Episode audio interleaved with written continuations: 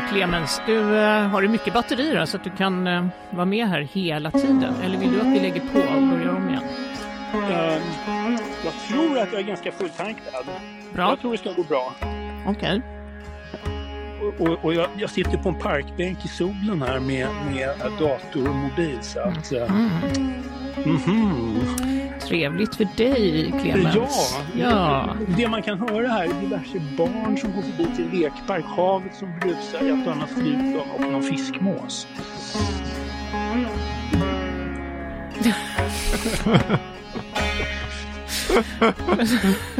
Det,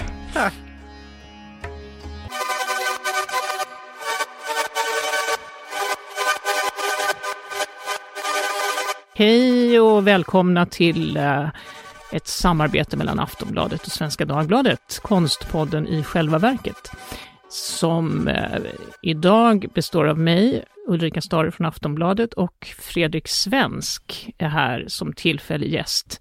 Han är också kritiker i Aftonbladet, men även lärare på HDK Valand och chefredaktör för tidskriften Paletten tillsammans med Cinciana Ravini. Eh, och på telefon från Nice har vi också med oss Clemens Pöllinger. Hallå, hallå där! Ja, precis. Jag, jag är då konstkritiker på Svenska Dagbladet och för tillfället omplacerad till Nice. Eh, där solen skiner, havet brusar och uh, mimosan blommar. Det är helt olidligt. Ja, det låter fruktansvärt faktiskt. Ja, du ska berätta sen lite, eller kanske redan nu förresten, vad du, eh, inte vad du gör dygnet runt, men om du har sett någon spännande konst.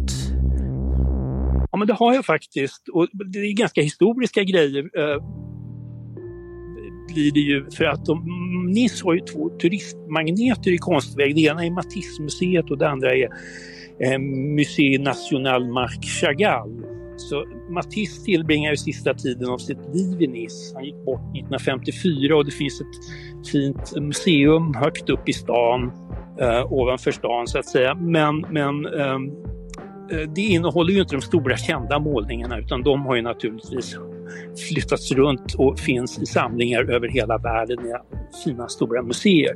Här finns det skisser och grejer. Man håller just nu på att installera en stor, eh, kan man säga, collage, ett jättekollage. Eh, fleur et fruit, eh, blommor och frukt, eh, som är såna här eh, utklippta färgglada pappersbitar som ni, Matisse höll på med i slutet av sitt liv. Eh, just för att de plockar in det så är museet tillfälligt stängt i några dagar.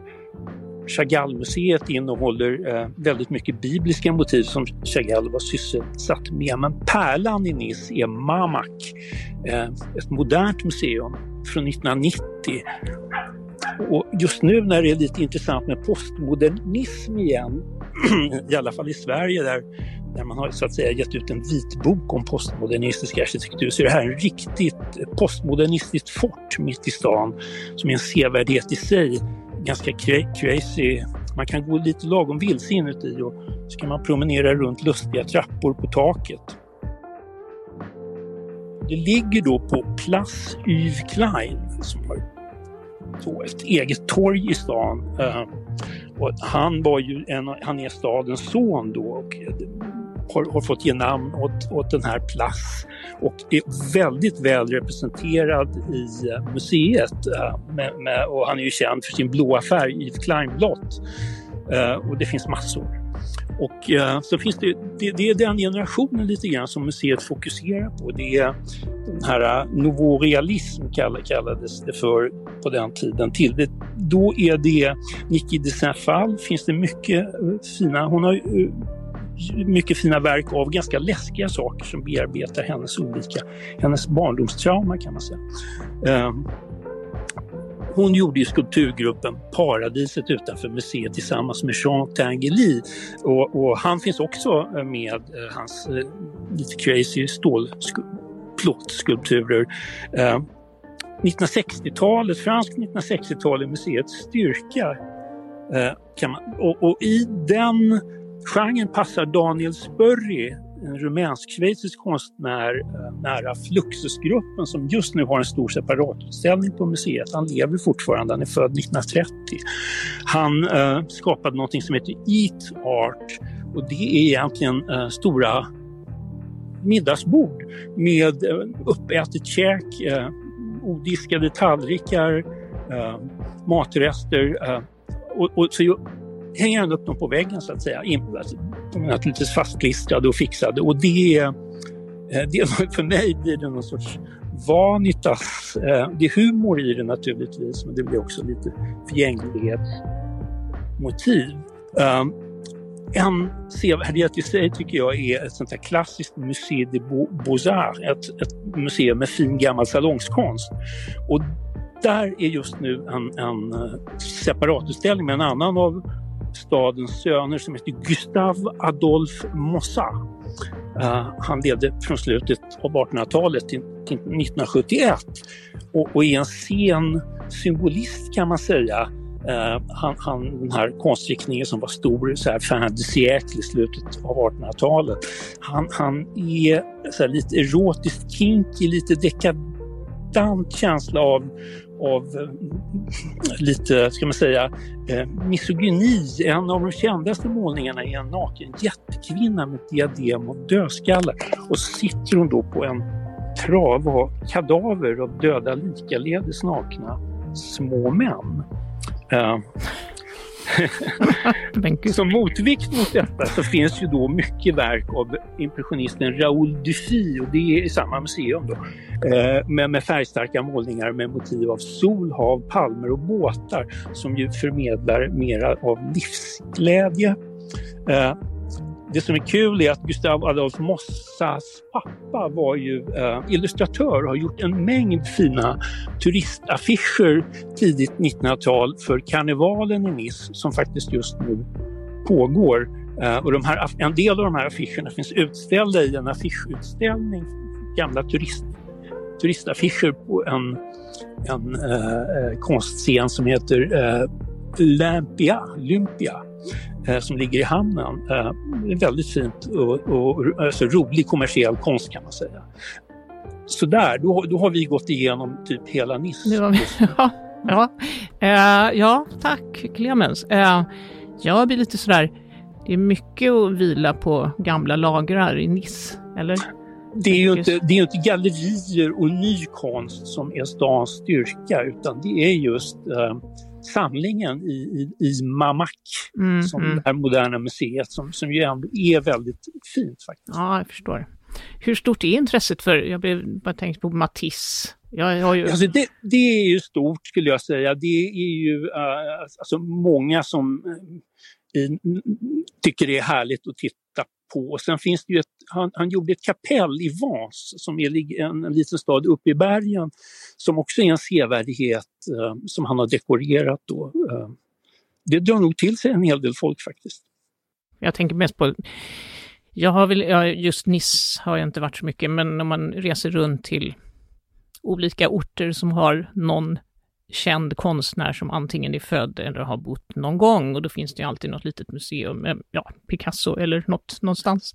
Och, och då Picasso är det ju finns sällan, det, det finns ju överallt, men då är det ju sällan just några jättespännande verk som det här Det är sant, för, de, för de finns utplacerade på världens stora museer naturligtvis. Ja, Picasso finns ju i Antibes som är bara några pendeltågstationer bort. Mm. Det uh, finns mycket, keramik då. Mm. det var det de fick. Precis, så är det ju. ja. Men eh, vad bra, tack. Eh, vi ska, ska vi vända tillbaks hit där vi är och till Fredrik Svensk.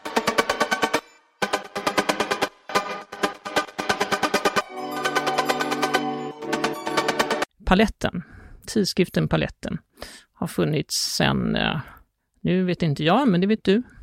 Jag brukar säga att det startades 1940 och har pågått sedan dess eh, med kontinuerlig utgivning och är, är lite grann en av de äldsta konsttidskrifterna i Europa faktiskt, som har den här långa historien och som fortfarande ges ut.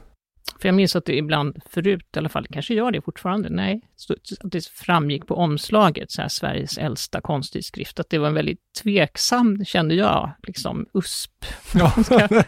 Man man läsa den här för att den är äldst. Ja, precis. Det, det, det, vi har inte det på eh, omslaget sen, sen eh, jag och Cynthiana Ravini eh, tog över chefredaktörskapet så, så är det borta, men, eh, men det är ju ett faktum. Ja, jo, jo, det är det.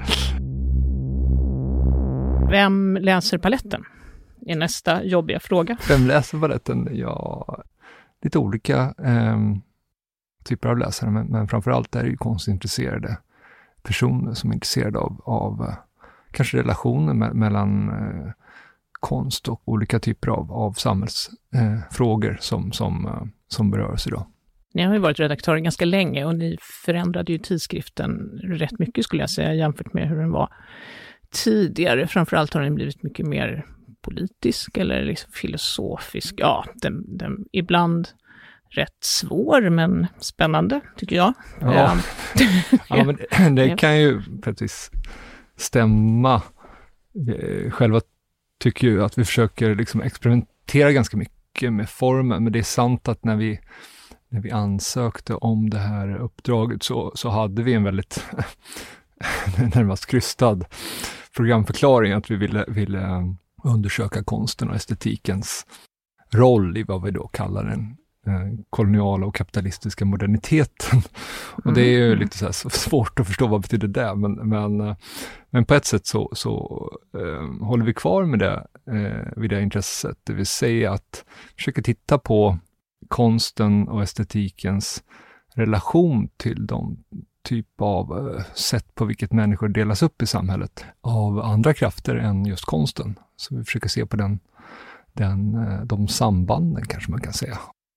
För några år sedan kurerade ni en paviljong på Venedigbiennalen. Jag tror ja. det var 2017. Ja, var precis. Det? Ja, Förra gången. Precis, exakt, ja. exakt. Bosnien-Hercegovina. Exakt, ja. exakt. Det var lite kul faktiskt. Det var lite ja, spännande att ni gjorde det och en spännande utställning. Men ni har inget, ska ni göra något sånt igen?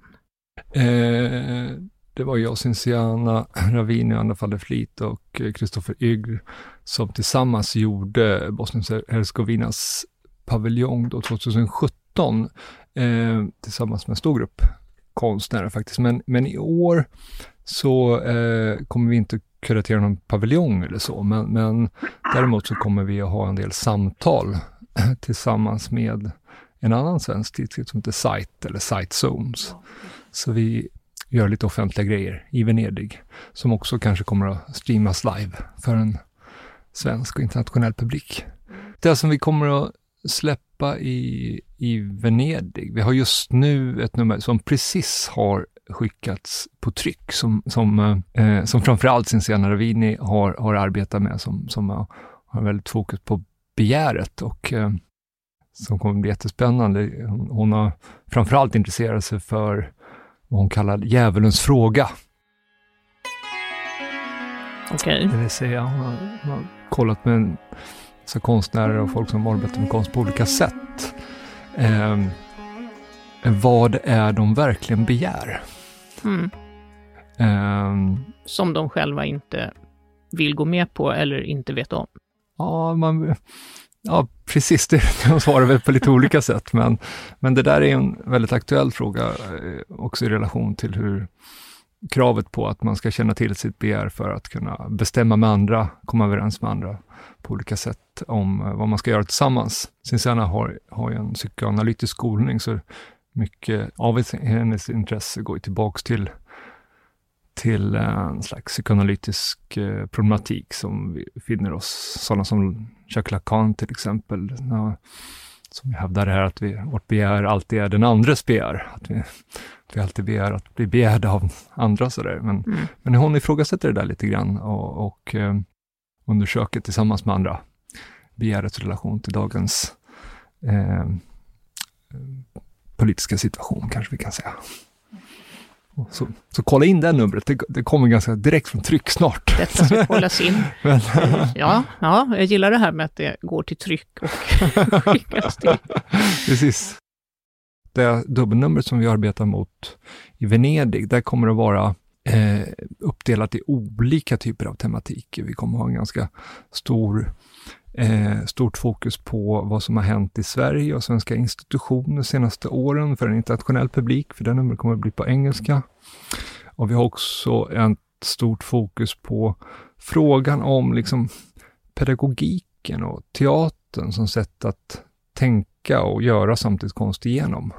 Och sen har vi också ett stort intresse för, för vad vi kan kalla den ekonomiska krisen, eller som, som, eh, som har ju sett olika ut i olika tider, men som kanske den senaste fasen är från 2007-2008 och eh, hur den påverkar konsten och samhället.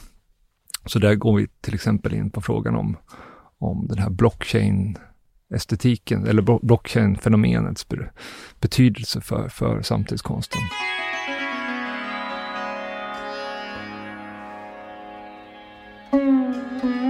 Jo, jag att den här artikeln jag fick, den var, har redan varit publicerad. Det är ja, precis, precis. Det, det, den, det fick avpubliceras, men det är en del av ett större, större arbete ja, som vi håller därför på med. att det är en del ett. Uh, ja, om vithetens konstkritiska organisationsprincip. Ja. du inledde den artikeln och tyckte det är kul för oss som är på Aftonbladet att uh, du inledde med en uh, längre resumé om, om uh, tillståndet i konst och kulturvärlden i början på 30-talet när Aftonbladet-kritikern Carl G. Laurin välkomna att taga plats i Stora galleriet. General Linder och Carl G. Laurin är de sista intågande bland konstnärernas vänner, nu i beskydd under segergudinnan Ikes vingar. Föreningen Konstnärernas vänner som då var liberal och demokratiskeptiker samtidigt. Han konstaterar att hans tid är över och nu kommer liksom dessutom kom det nya eh, kritiker på vänsterkanten som Gotthard Johansson, men att båda de ändå förenades i någon sorts liberal konstsyn, eller? Har jag rätt? De såg den estetiska kulturen som en del av ett demokratiskt samhälle. Ja, precis. Ja. precis. Och det kunde den också fortsätta vara ganska länge, så länge välfärds... Det måste man säga, välfärdsstaten var stabil. Men nu sedan 40 år tillbaks så kan det inte längre vara så. Eller var det, det ungefär så du menar? Nej, men om jag ska vara riktigt ärlig så tror jag, jag menar, om man är uppväxt i det här landet och liksom inte med någon så här, eh, inte uppväxt så mycket med det vi kallar konst och kultur och sådär och kommer från eh, eh, ja, men en sån bakgrund. Så, och sen börja arbeta med konst, till exempel som konstkritiker, Ja, men då vantrivs man de flesta vantrivs ju i konstrum och konsthallar och känner sig mm, inte hemma ja. på kultursidor och sådär. Det är väldigt svårt att, att, identifiera sig med vad som pågår.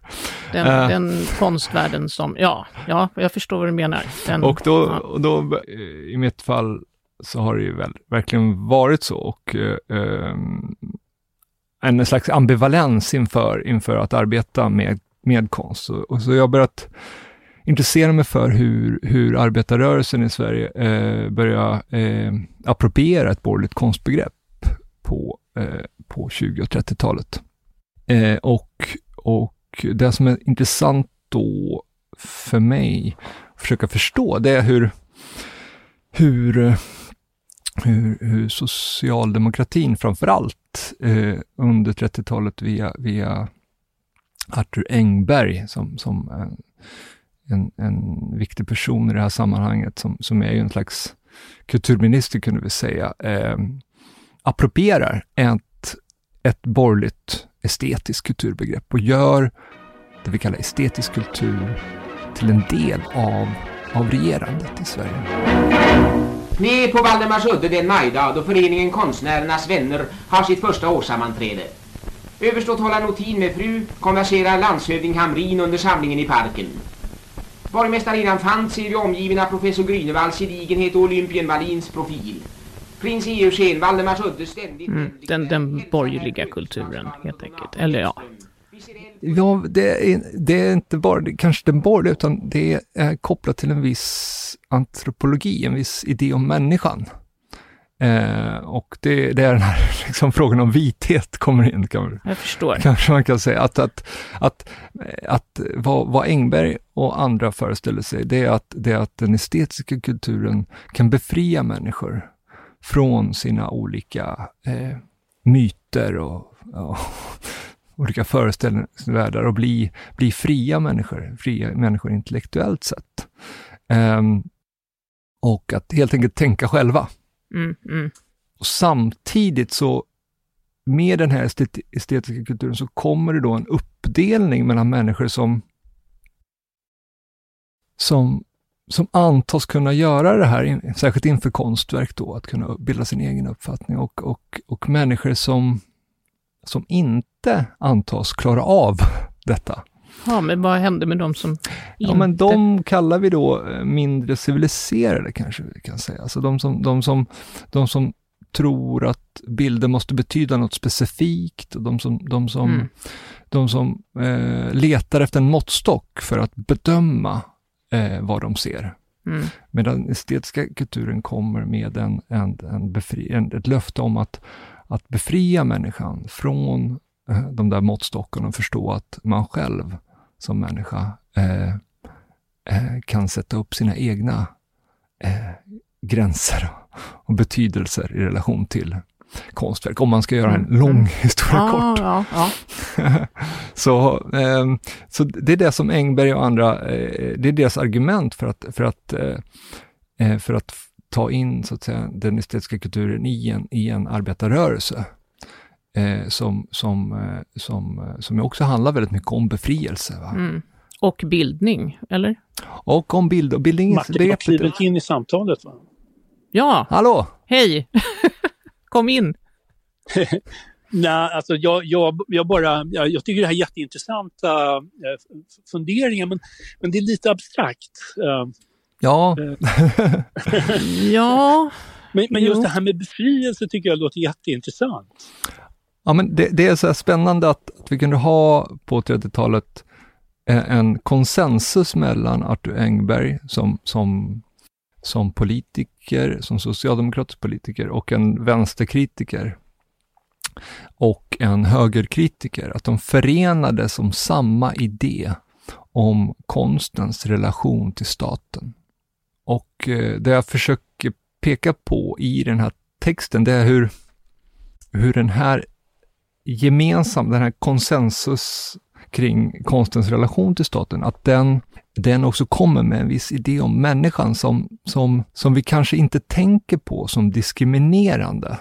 För när vi tänker ofta di diskriminering eller sexism eller rasism eller någonting sånt, va? så tänker vi också ofta det i relation till representation. Att vi tänker att, att, att eh, Rasbiologiska institutet till exempel och Svenska folktypsutställningen, som för övrigt Andersson och Ellen Key och andra eh, var med och eh, stödde där 1919-1920 och, och som ju eh, blir grunden för Svenska rasbiologiska institutet, att vi tänker diskriminering kopplat till, till, liksom, eh, till bilder och avgränsningar av människor, beteckningar. Medans, medans den typen av vithet som jag intresserar mig för i den här texten, det är när den den kopplas liksom inte till, till den här representationen, utan det är en vithet som bygger på den maktrelation som uppstår mellan den civiliserade medborgaren och den ociviliserade medborgaren. Men då, då är det vithet, det är ett mer metaforiskt, det är liksom ett makt, maktbegrepp helt enkelt, eller? Eh, typ. Ja, precis. Eh, men, men det är också ett antrop antropologisk, den har koppling till liksom samma typ av antropologi mm, mm. som möjliggör en typ av, av diskriminering som grundar sig på representation. Då. Mm. Ja, jag. Att, eh, eh, så det är det jag försöker förstå, liksom, alltså vad är det eh, vad innebär det att vi har det här arvet, den här estetiska kulturen som, som sen då efter andra världskriget eh, blir en central del av det som kommer att kallas för kulturpolitik då, på riktigt. Eh, och att vi, vi, vi släpper efter andra världskriget helt tanken på andra typer av eventuella grunder för kulturpolitiken, till exempel en, en proletär kulturpolitik eller vad det nu kan vara som ett alternativ, utan, utan vi får en en kulturpolitik som mm, från höger till vänster eh, ganska liksom konsensus kring eh, under hela efterkrigstiden. Men det hänger ihop med ett bildningsideal som härskat länge. Ju. Det, det, det, kan man säga det borgerliga bildningsidealet som ju uh, arbetarrörelsen tog över i, i mångt och mycket. Ja, precis. Och det, det är väl det jag också försöker fråga mig, vad, vad den där approprieringen av, av det bildningsbegreppet egentligen betyder idag. Mm. um, för som du, som du säger så, så tog arbetarrörelsen över det och så får vi någonting vi kallar folkbildning och så. Och det är ju någonting som kanske flera av oss är väldigt tacksamma för på ett sätt. För mig är det positivt värdeladdat ja, begrepp. Precis. Jo, men det är det ju. Men det, det också lite belastat. Approprieringen har gått så långt så att man inte ser den längre kanske. Men, men, men den ja. kommer också med en viss, uh, den kommer också med det här, det här problemet som jag tror är viktigt för oss idag när vi helt plötsligt har en, en, en intresse för att förändra kulturpolitiken på allvar bland, bland en del partier. Um, och uh, när vi försöker argumentera med riktiga utmaningar av kulturpolitikens grund i en estetisk kultur, eh, så blir det ofta väldigt begränsat, uppfattar jag det som. Går det inte att argumentera mot liksom, den här mer nationalistiskt färgade konservativa kulturpolitiken som SD står för? Är det så att man kan inte argumentera mot den därför att då fastnar man i en annan sorts konservativ kultursyn, eller? Eh, för det första så tror jag det är viktigt att förstå att den här estetiska kulturen inte per definition har någonting med det vi kallar demokrati att göra. Eh, den fanns eh, före demokratin och den har ingen liksom, naturlig koppling till demokratin som det ofta som det ofta framställs som, att konstens frihet och demokratin på något vis hör ihop. Och för det andra så tycker jag att vi måste liksom försöka förstå hur, hur den estetiska kulturen som grund för kulturpolitiken kanske fungerade ganska bra så länge vi hade en stor tillväxt i Sverige då eh, arbetarklassen fick det bättre och bättre och kunde skaffa sig ett borgerligt liv bokstavligt talat. Mm. Nu har vi en situation där klassklyftorna ökar och där det här, den estetiska kulturens löfte eh, inte är i synk så att säga med vad, med möjligheten att skaffa sig ett bättre liv ekonomiskt. Och eh, så vi ser utifrån min spekulation i den här artikeln en slags, en slags eh, kris då, va, eh, hos, hos den delen av, av av befolkningen som, som, som överhuvudtaget inte ser eh, sig som, no, som en del, ser någon möjlighet i ett, i ett estetiskt kulturbegrepp, som en del av deras befrielse, eller deras förmåga att skaffa sig ett bättre liv. Det här är en utmaning då för konstkritiken om man ska ta tillbaks till ja. något mer konkret eh, för oss en enorm utmaning, för det är inte vi som kan utjämna klassklyftorna tyvärr. Nej. Men, eh, eller det kanske vi kan. Nej, det kan vi inte. Um, men vad kan, vad bör göras? Vad kan göras? Ja, inte debattera mer, utan det är liksom få en förståelse för den här enorma klyftorna. Jag tänker att det hänger lite också ihop med konstens egen utveckling, eller vad man ska kalla för förändring också eh, sen kanske 70-80-talet och framåt. Den eh, har blivit i allt högre grad otillgänglig, tänker jag, för en större publik. Ja, det kanske man... Å ena sidan så de här stora utställningarna, vi har ju Documenta då som är den stora efterkrigsutställningen i Europa som öppnar igen här i sommar i Kassel som ju eh, har en komplicerad historia men som verkligen är en, är en del av, av uppbyggnaden av av en offentlighet, en konstig offentlighet i Europa efter, efter kriget och eh, den, det är en utställning som får mer och mer besökare för varje, mm. omgång. Så, Det är så, sant. Den är nästan folklig skulle jag säga. Ja, precis. det har du rätt i. Men är inte det också någonting som man ska bocka av när man tillhör det bildade skiktet på något sätt? Att det är det som gör att den får besöka. Jag Ja. kanske, kanske är cynisk nu, men Ja. Nej, men det är ju, jag menar, om man tänker sig att vi är ganska många som håller på med konst som inte kommer från den bakgrunden, så kan man tänka ja, men att det är en befrielse. Och sen helt plötsligt så börjar man förstå att den här konsten är också, har, har en viss funktion för organiseringen av samhället som eh, nödvändigtvis inte är för. Så vad ska man då göra? Den friheten som vi har att, att uttala oss och tänka om konst, som inte bara är, är, är sanktionerad för konstkritiker som, som oss, utan också att, att det finns en föreställning om att alla människor, alla är män- kritiker. alla, Ja. alla, alla läser böcker och tittar på TV och har olika åsikter och pratar om saker och ting de ser. Ehm, utan att det finns någon som bestämmer vad det verkligen betyder. Mm. Men det är väl bra? Ja, precis.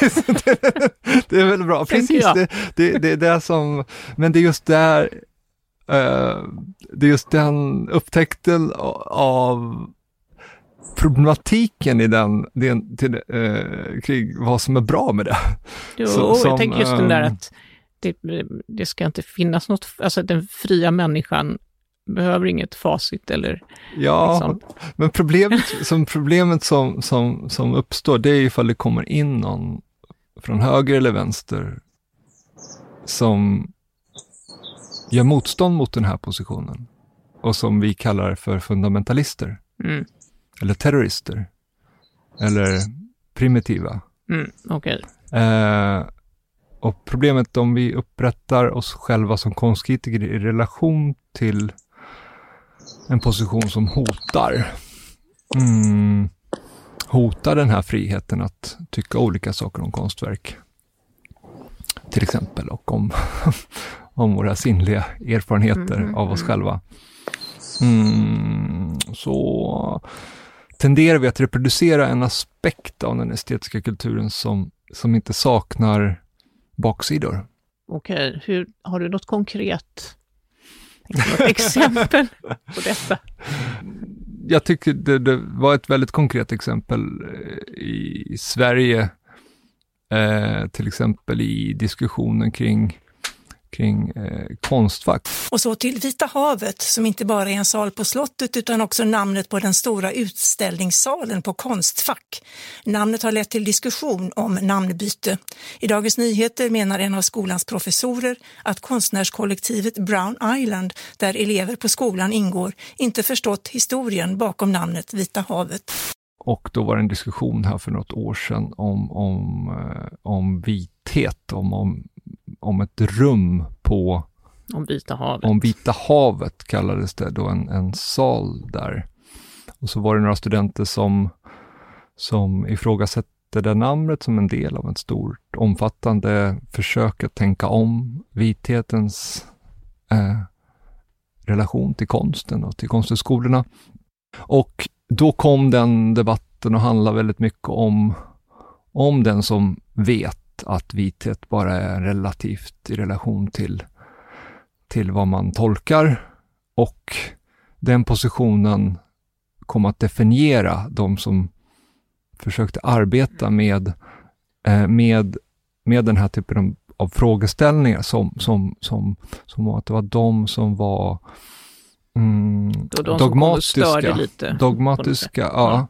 Så att den här tendensen i konsten att göra så att säga den andra till, till den som är dogmatisk eller som inte förstår eller som ligger för nära sina känslor och så. Det, Mm. det Ja, eller som bara är identitetspolitisk. som bara är identitetspolitiska. Det, det den, och kanske är det så att själva ordet identitetspolitik som ett skällsord liksom är en del av att för att förstå det så måste vi förstå det eh, genom den estetiska kulturens historia och dess, dess integration i, i, Sveriges fall i så att säga, arbetarrörelsen också. Och det är det, det var det, ja, vad har det med konstkritik att göra? Ja, men det har ju att göra med konstkritik att vi som skriver konstkritik, vad vi gör, det är ju att vi traditionellt sett va, eh, pekar på att det går att tycka olika saker och tänka olika saker om konstverk. Och vi gör det eh, för en publik som också tycker olika saker. Så vi är ju på något vis ställföreträdare för, för, för en population eller en befolkning som kan hålla med oss och hålla emot oss, tycker, tänka själv och så. Uh, och ja, det, det, är någonting där. någonting, ja, ja. Uh, det kommer snart en bok om Vita havet-debatten tror jag. Jaha, ja, ja. Har jag ja, skymtat ja. Den kan vi konstkritiker sätta tänderna i. Ja, kanske. precis. Om inte annat. precis. Inte. Men det är spännande att få de här långa perspektiven av dig, Fredrik, tycker jag. Även om det är abstrakt, så är det kul. Uh, undrar om vi ska, ska släppa in stackars Clemens från uh, den här paradiset i södra Frankrike igen. Ja, Ja, jag har det bra här på min, min parkbänk i solen. Så att Härligt. Jag har följt med hela, hela samtalet. Jag ska absolut kolla det här kommande palettennumret. Eh, hela den här podden är bara reklam för palett. ja, men det kan väl vara helt okej. Okay, Herregud, jag åkte från Göteborg. ja. Jag, jag är ju då eh, tillfälligt eh, då i Nice och lite inspirerad av vad jag har sett här på museerna. Så jag tänker ju på en, det här är ju då det här avsnittet som vi har varje, i varje av våra poddar som heter Gåtan helt enkelt. Så att det här är, nu, nu är ni två som kan gissa på en känd fransk konstnär som liksom Yves Klein var stor på 50 och 60-talet, men även långt därefter. Eh, man kan säga att det, var, det är en skulptör kan man säga. Uh, och jag har många ledtrådar så att, att om polletten inte trillar ner direkt så fortsätter jag gärna. Okej, okay, men uh, bra. Kanske lite väl vagt uh, Ja, det är lite ändå. Ja. än så länge. Ja. Han, är mest, han är mest, det är en han, det är en han då.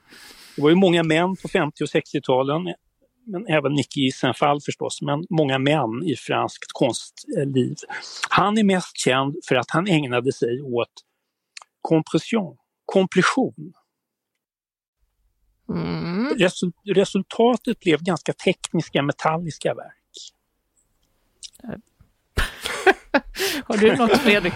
Nej. Alltså om, om jag säger svaret då avslöjar jag min alldeles för ambivalenta relation till bildningsfrågan. Aha! ah, okej. Okay. Ja, ja, men säg nu då. Som du kan uppenbarligen. Nej, vi behöver mer ledtrådar. Ja, vi behöver lite till. Är det så? Ja. Okej. Okay. Alltså, som skulptur, skulpt, alltså, han jobbar ju med tredimensionella verk, men vad man kan säga så här att när han var färdig med dem, eh, med sina verk, så var de betydligt mindre tre, tredimensionella än, än hans råmaterial. Alltså, Hänger ni med? Jag har en känsla att jag borde kunna det här, men jag är fortfarande... Nej stor utställning eh, på Pompidou eh, eh på 2010-talet. Eh. Man kan säga att han plattar till saker. Jo, jag förstod det där att han plattar till, men jag fortfarande inte... Nej, jag vet inte. Usch, jag skyller på att jag är för trött. Vi säger det. Ja, det, nej. Det är lugnt, ingen fara. Han mosade fina gamla franska bilar som på bilskroten. Ett signaturverk i en tillplattad Renault Dauphine. Ja, mm, jag känner igen det jättemycket, får jag, ja. Fort, fortsätter jag säga. Men uh, det är ingen, var ingen du nämnde innan va? Man kan... Nej, nej, det är nej, det inte. Nej, det, det, det, är så enkelt är det inte. Men han har samma namn som en mycket känd romersk kejsare. han heter väl Caesar kanske? Oh ja, Caesar! Född Cesare Baldacini i Marseille 1921 och död eh, i Paris 1998. Laurent m'avait posé une question hier sur Malraux. Euh, je suis passé dans, pour le, le, le, Figaro littéraire. J'ai dit, on m'a dit vous, ce que je pensais de Malraux. J'ai dit, il est certain que comme ministre de, de, de la culture... Så han, han är då, eh, har ju gjort många olika saker i metall, men framför allt och det som väckte sensation det var just att han eh, helt enkelt plattade till fina gamla franska bilar och ställde ut dem på gallerier och sedan också på museer och det hänger också några fina här i Nice. Mm. Toppen, toppen Clemens. Ja, var, det sist, gillar- var det sista ledtråden det där med kejsarnamn? Det var ju det och, och det, blev ju, det blev ju fullträff. Ja, ja, det, Grattis ja. Ulrika! Ja, tack, tack. Ja, men eh, vad bra. Ja, Jag har redan börjat smida på nästa gåta till dig, känner jag nu. Ja, det får, du, det får du verkligen göra. Jag, jag förtjänar det.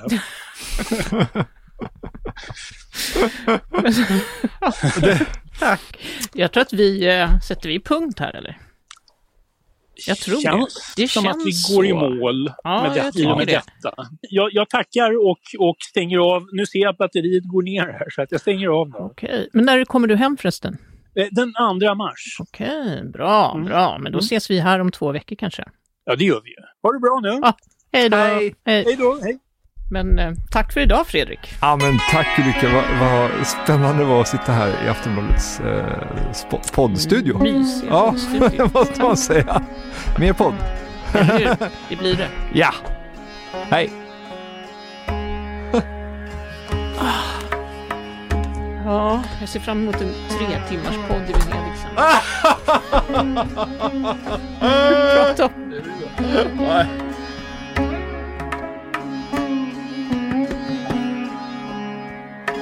Du har lyssnat på en podcast från Aftonbladet och Svenska Dagbladet. Ansvarig utgivare är Anna Kareborg.